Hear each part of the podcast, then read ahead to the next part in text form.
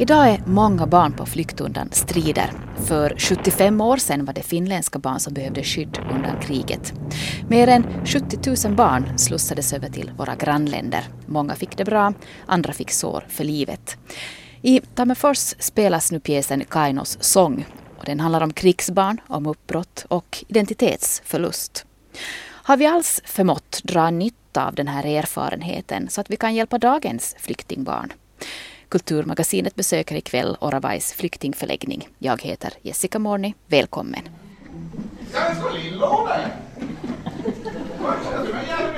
Jag är på väg till skolan och lärarinnan sa att vi skulle räcka med bråk.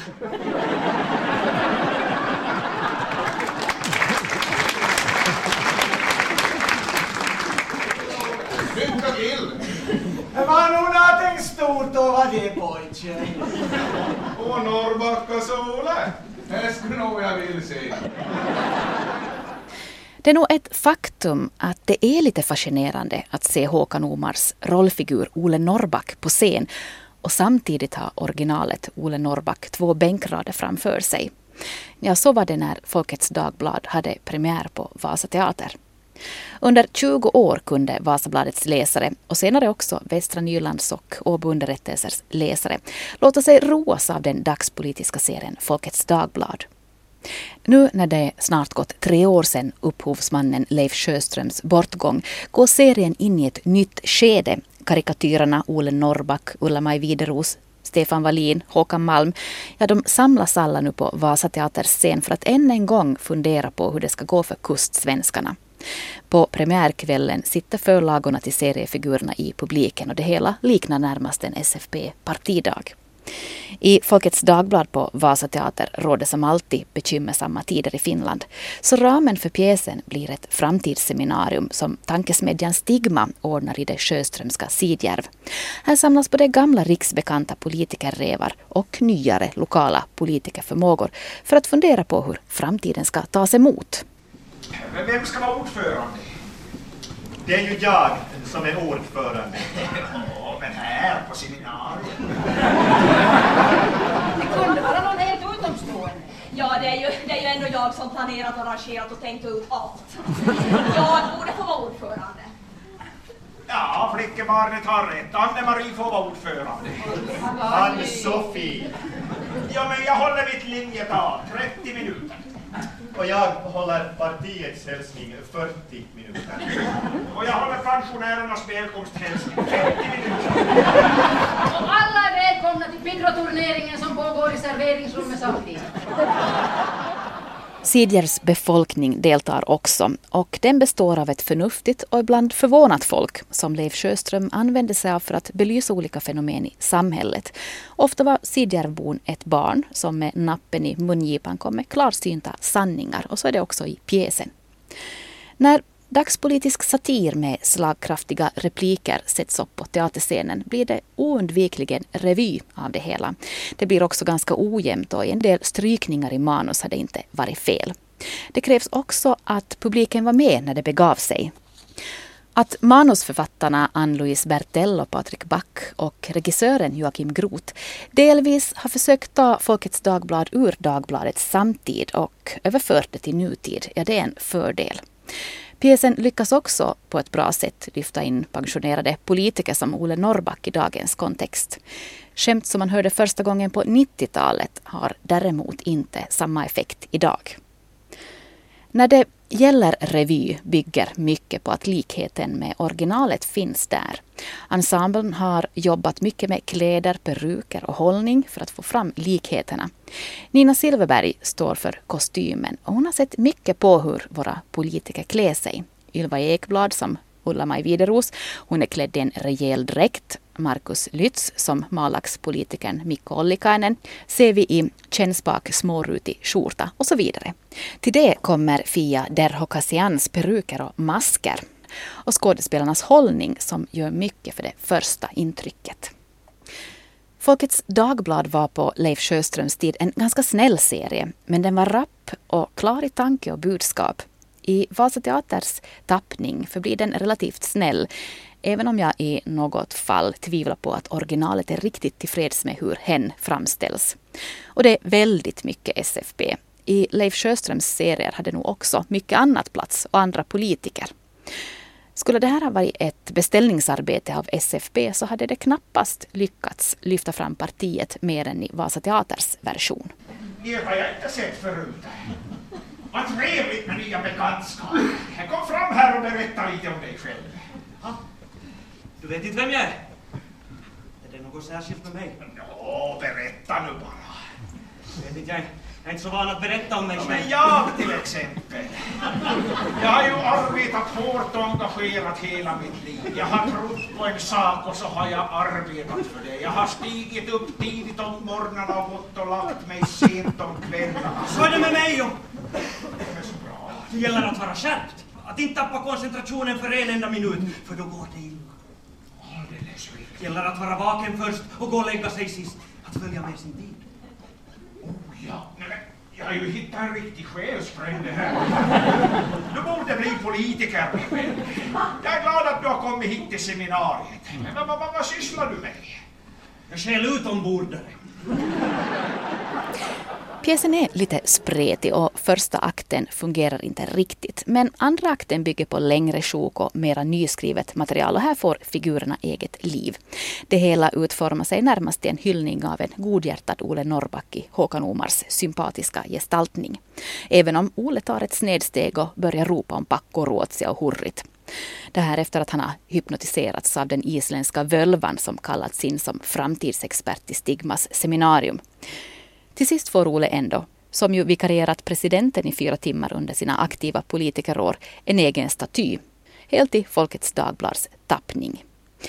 Pjäsen innehåller också ett för teatern ovanligt tydligt politiskt budskap från pjäsens bebis, åldring och kvinnliga Sidjärvbo. Låt bli att spara på vård och omsorg, satsa på unga, åldringar och underbetalda. Ett så tydligt budskap kan väl ingen politiker missa. Mot slutet av föreställningen inser jag att här, inför kulisserna med Leifs kännspaka husknutar och fåglar, mellan bekanta repliker och nya skratt, att jag trots allt saknar Leifs anda i föreställningen. Hans figurer har kommit till liv och tagit makten över sig själva. Men kanske är det så det ska vara när man tar någonting till en ny nivå. Men den sista sången känns ändå som om Stefan Lindblom har skrivit den med tanke på Leif. Och det var antagligen den avslutningen som fick oss att ge pjäsen stående ovationer. Du lyssnar på Kulturmagasinet och den här kvällen ska vi prata mycket om krigsbarn. Om en dryg vecka hade förflutit 75 år sedan vinterkriget bröt ut och på Tampereen Työvän teatteri återvände man i höst till krigsåren med Kainon laulu, Kainos sång. Kainos sång det är en pjäs om uppbrott och identitetsförlust ur krigsbarnets synvinkel. Och det är också en barnpublik som den svenska dramatikern Urban Lind ursprungligen hade i tankarna när han skrev pjäsen. En pjäs baserad på dokumentärmaterial. Men i Tammerfors riktar man sig i första hand till en vuxen publik.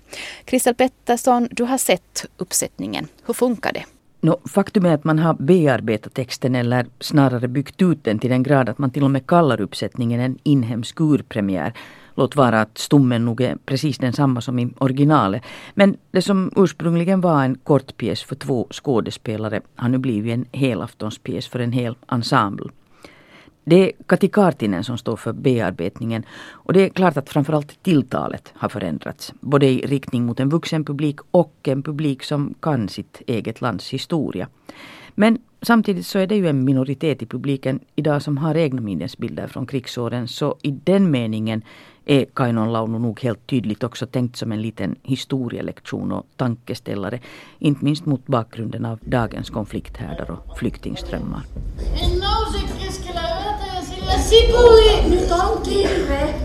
Pitääkö, pitääkö taas mennä iso kiven? Mihin nyt pitää mennä? Pakoon pitää mennä. Mitä tarvitsee ottaa mukaan? Huvudpersonen Kaino är en karelsk flicka som under krigsåren tvingas bryta upp både från sitt hem och sitt hemland.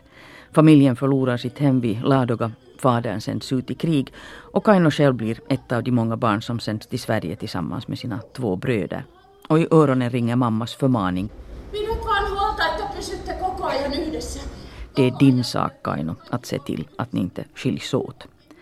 Det här ansvaret som läggs på Kainos axlar det är stort, allt för stort. Och det är absolut också det uppsättningen fångar allra bäst tycker jag. Petra Aulas porträtt av flickan som plötsligt förväntas vara både mor och far för två bångstyriga bröder i ett land där ingen av dem talar språket och ingen vet vart det bär hän är väldigt avläsbart. Det är lätt att leva sig in i. Och Samuli Muja och Jari Ahola gör också två fina tolkningar av brödrarollerna. Den här syskonskarans gruppdynamik den är väldigt igenkännbar.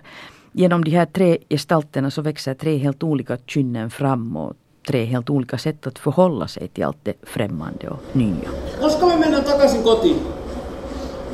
Muistakaa hymyillä! Pitää puhua nätisti ja niiata. Rumat joutuu lastenkotiin! Miten niin? Olen tehnyt tilastoa! Och moderns se till att ni inte skiljs åt är förstås en uppmaning som visar sig omöjlig att följa. Den här syskonskaran splittras och alla tre går olika öden till mötes. Och det enda de egentligen har gemensamt efter krigsåren är känslan av att inte riktigt höra till någonstans, varken i Finland eller i Sverige. Eh, Kaino själv väljer att flytta tillbaka till Sverige som vuxen medan den yngsta brodern inte överhuvudtaget återvänder efter kriget. Han adopteras av sina svenska fosterföräldrar. Man kan alltså säga att den här syskonskaran samtidigt ger en komprimerad bild av de olika öden krigsbarnen gick till mötes. Ja, det som inte kanske ryms i den här bilden är förstås de som återvände utan fröet i ett livslångt trauma i bagaget. Men det ligger förstås också lite i sakens natur. Det är inte historierna som behöver bearbetas, bli pjäser, filmer, böcker.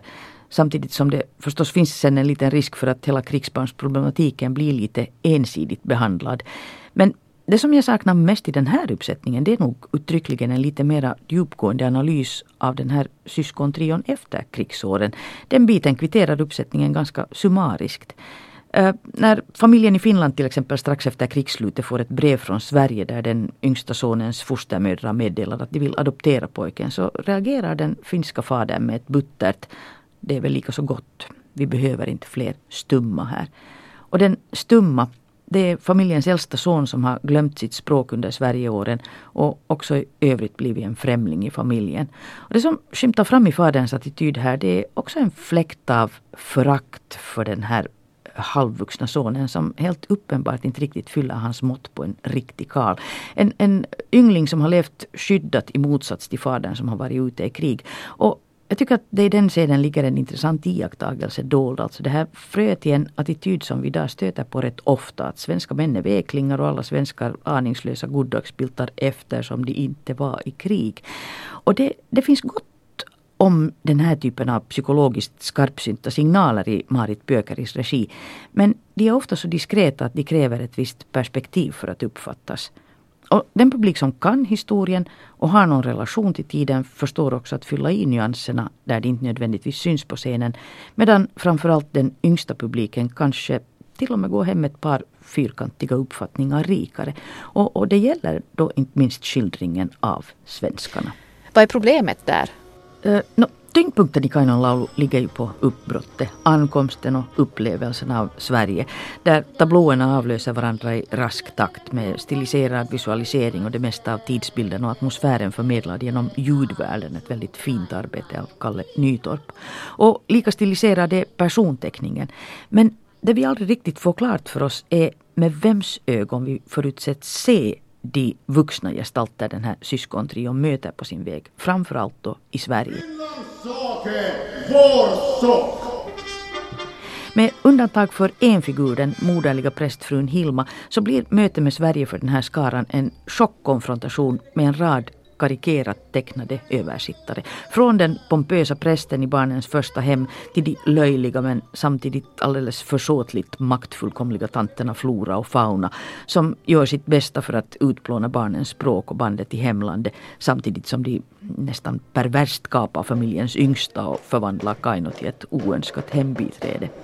Tästä eteenpäin Kaari nukkuu täällä. Ja Lillo Magnus täällä meidän kanssamme. Miksi ei samassa huoneessa? Koska Kaarin on jo iso tyttö. Magnus on vielä pieni lilla. Mutta sittenhän minä olen ihan yksin. Och min invändning här är att den angelägna problematiken i någon mån drunknar i de accentuerade karikatyrerna eller kanske snarare groteskerna. Jag kan nästan tänka mig att en ung publik helt resolut drar slutsatsen att svenskarna per definition är ett lömskt pack som med krigsbarnsoperationerna bara hade ett syfte att utnyttja finländarnas prekära situation för sina egna ändamål. Jag förstår ambitionen att förmedla både barnets upplevelse av att ryckas loss från sina rötter och samtidigt lyfta fram den oförståelse och rent omänskliga behandling en del av krigsbarnen utsattes för. Men jag har svårt att se hur nidbilderna gagnar den diskussionen. Däremot kan jag gott ana mig till vilka attityder de kan tänkas förstärka. Ja, det konstaterar Kristel Pettersson. Evakueringen av över 70 000 finländska barn till våra nordiska grannländer under 1940-talets krigsår, ja det utgjorde världens största evakuering av barn. Är då den erfarenheten någonting som vi drar nytta av i arbetet med ensamkommande flyktingbarn idag?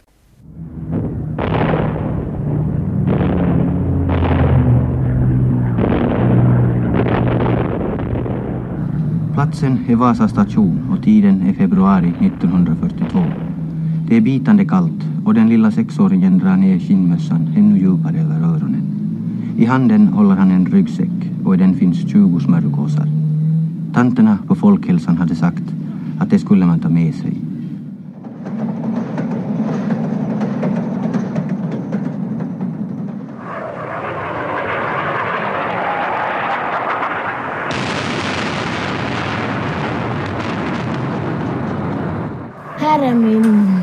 Pappa, mamma, jag och min lillebror.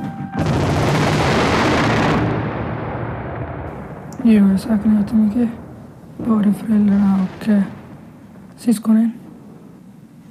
Länge sedan jag sett dem. Men jag har nog talat med dem. Mm, via telefonen. Vissa gånger ringer jag, vissa gånger ringer pappa. Eh, en gång i veckan. Jag tror vi går hit, hit ner Ja. i vår källare så, så får vi lugna ro.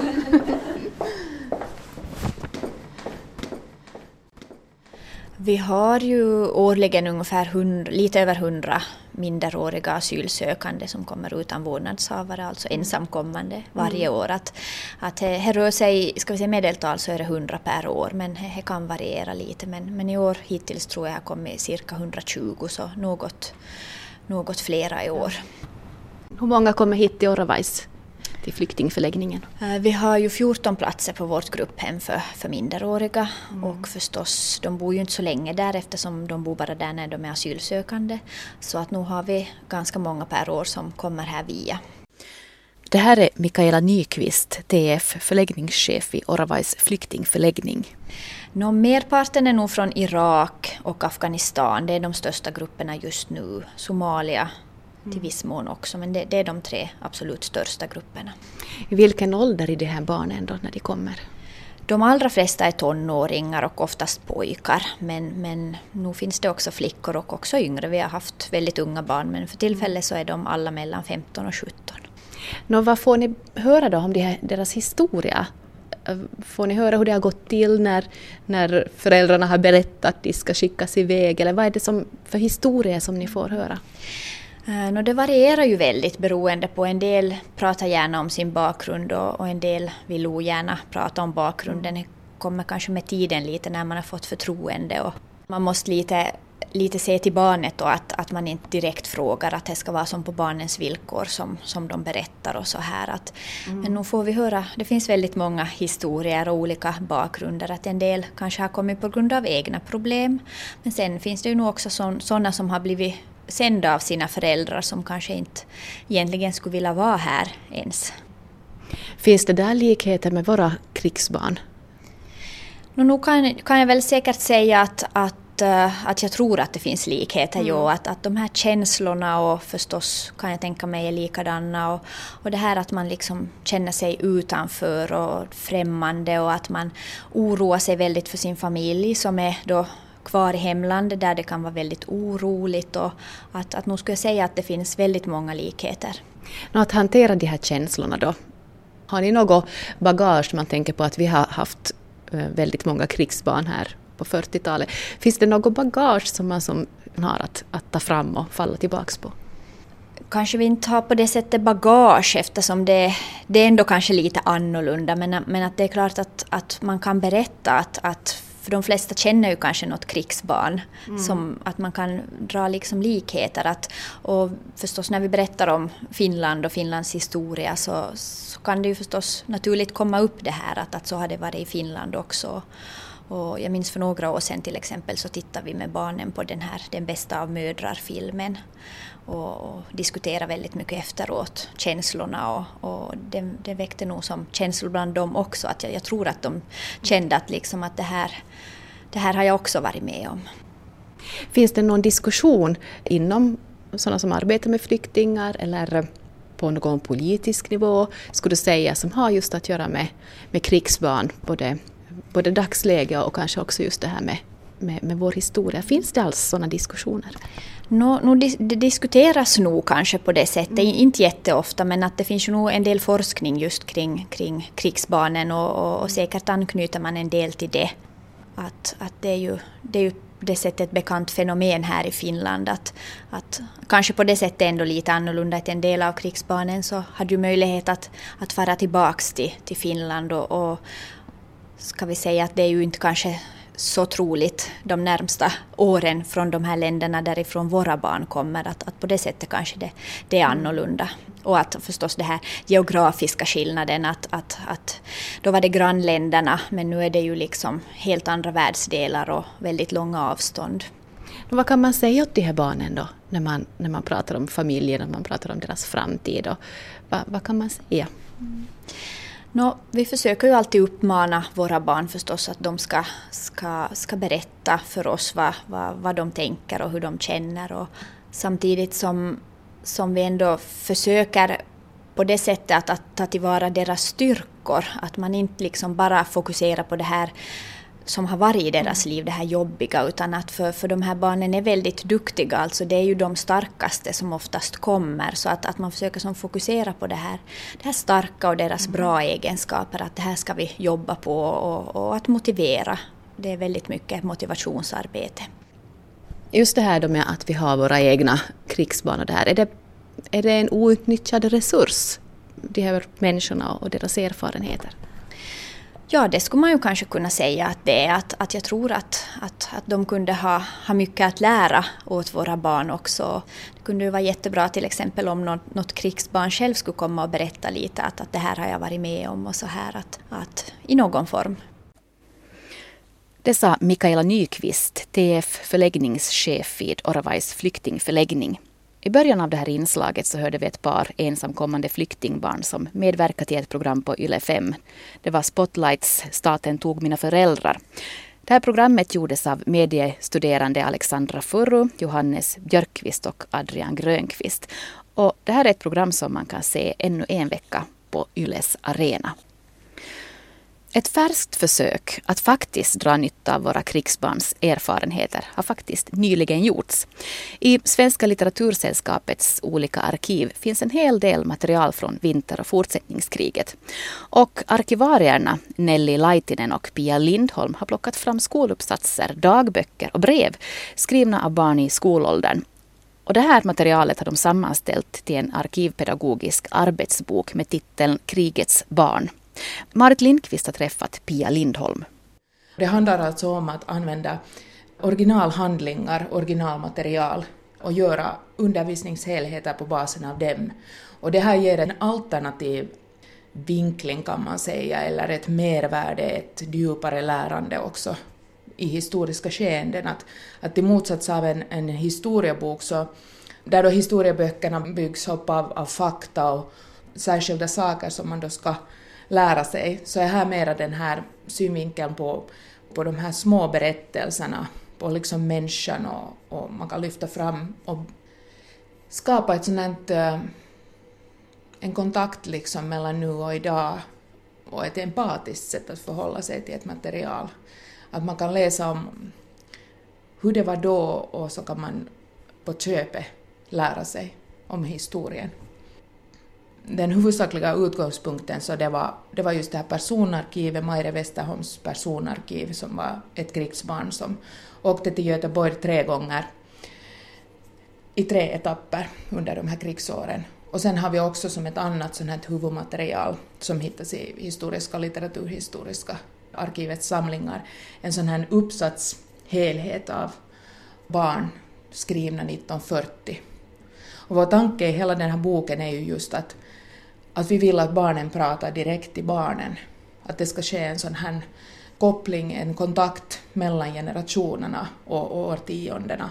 Det har ju skrivits en hel del om just den här krigsbarnen, och, men det handlar mycket om en sån här hågkomst som görs i efterskott och en sån här konstruktion på sätt och vis, så man minner de här händelserna. Men det här är då skrivet helt i realtid.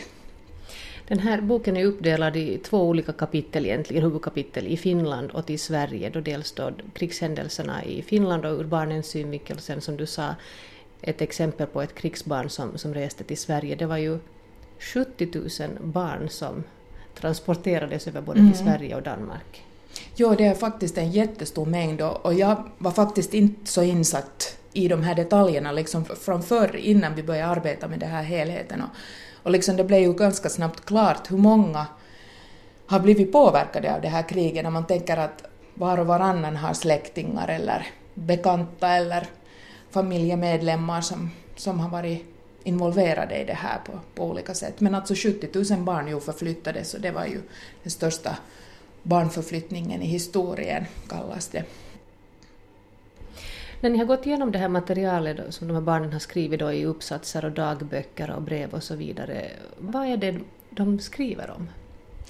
De här krigets hemskheter som man kanske lätt refererar till, att man tänker att det var en så hemsk tid. Och det var ju naturligtvis en hemsk tid i vår historia, men det är ganska lite det egentligen tas upp, de här hemskheterna, utan att det är mera det här vardagslivet, hur livet såg ut under den här perioden. Det kom larm, man tog sig till, till befolkningsskydd, man tog sig till sina mm, stugor i mörknet.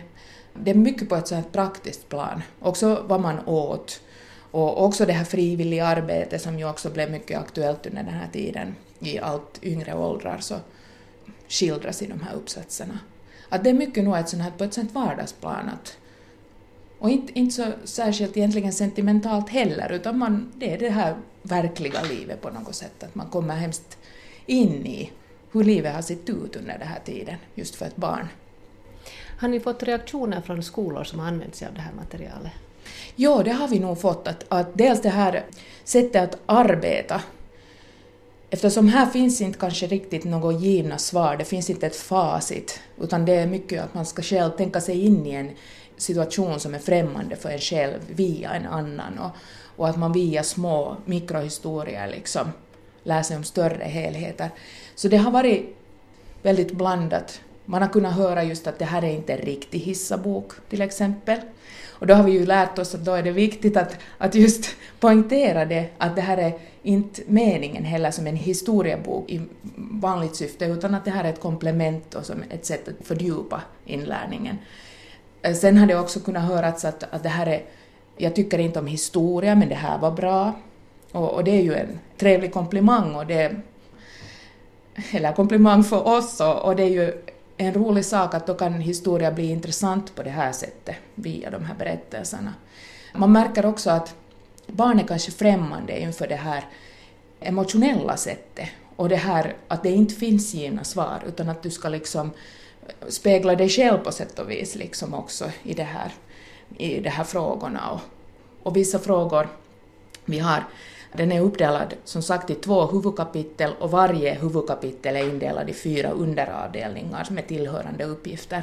Och en del uppgifter är väldigt sådär på, på konkret nivå och vi ville också ha det på det sättet för att då är det också enkelt att ta sig till det här materialet. Men sen är det också större frågor just att, att var tror du till exempel att, att det här krigsbarnet Maire hellre vill vara? Att vill hon vara i Göteborg eller vill hon vara i Finland?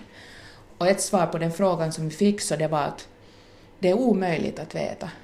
Det kan man inte svara på, eller det är ett omöjligt val, hade den här pojken sagt.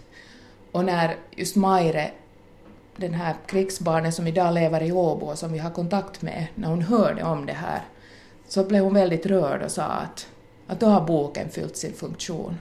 Att det var ju det här hon hade önskat. Och vi också.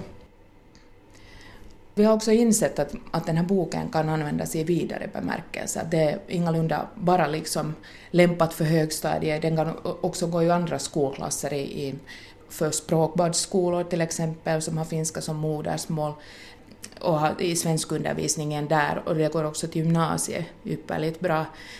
Det som det också kan mycket väl användas till en sån här minnesbok inom äldrevården eller också som ett sätt att generationer får en sån här gemensam förståelse för den här tiden. För det som vi också har märkt är att det, den här tiden och den här att vara krigsbarn är kanske någonting som inte är så lätt att prata om. Och det är ingenting man sådär apropå kommer in på heller, om man pratar med sitt barnbarn eller sitt barn eller vem som helst egentligen. Och då kan den här boken fungera som en väldigt bra verktyg i det fallet.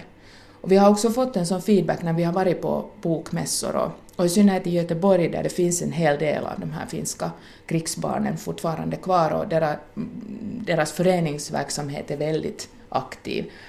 Och där kom det flera personer och pratade med oss efter vårt uppförande och man märkte tydligt att, att det berörde någonting väldigt djupt in i dem som de inte hade ord på egentligen. Att det var väldigt, eh, väldigt givande, de här mötena.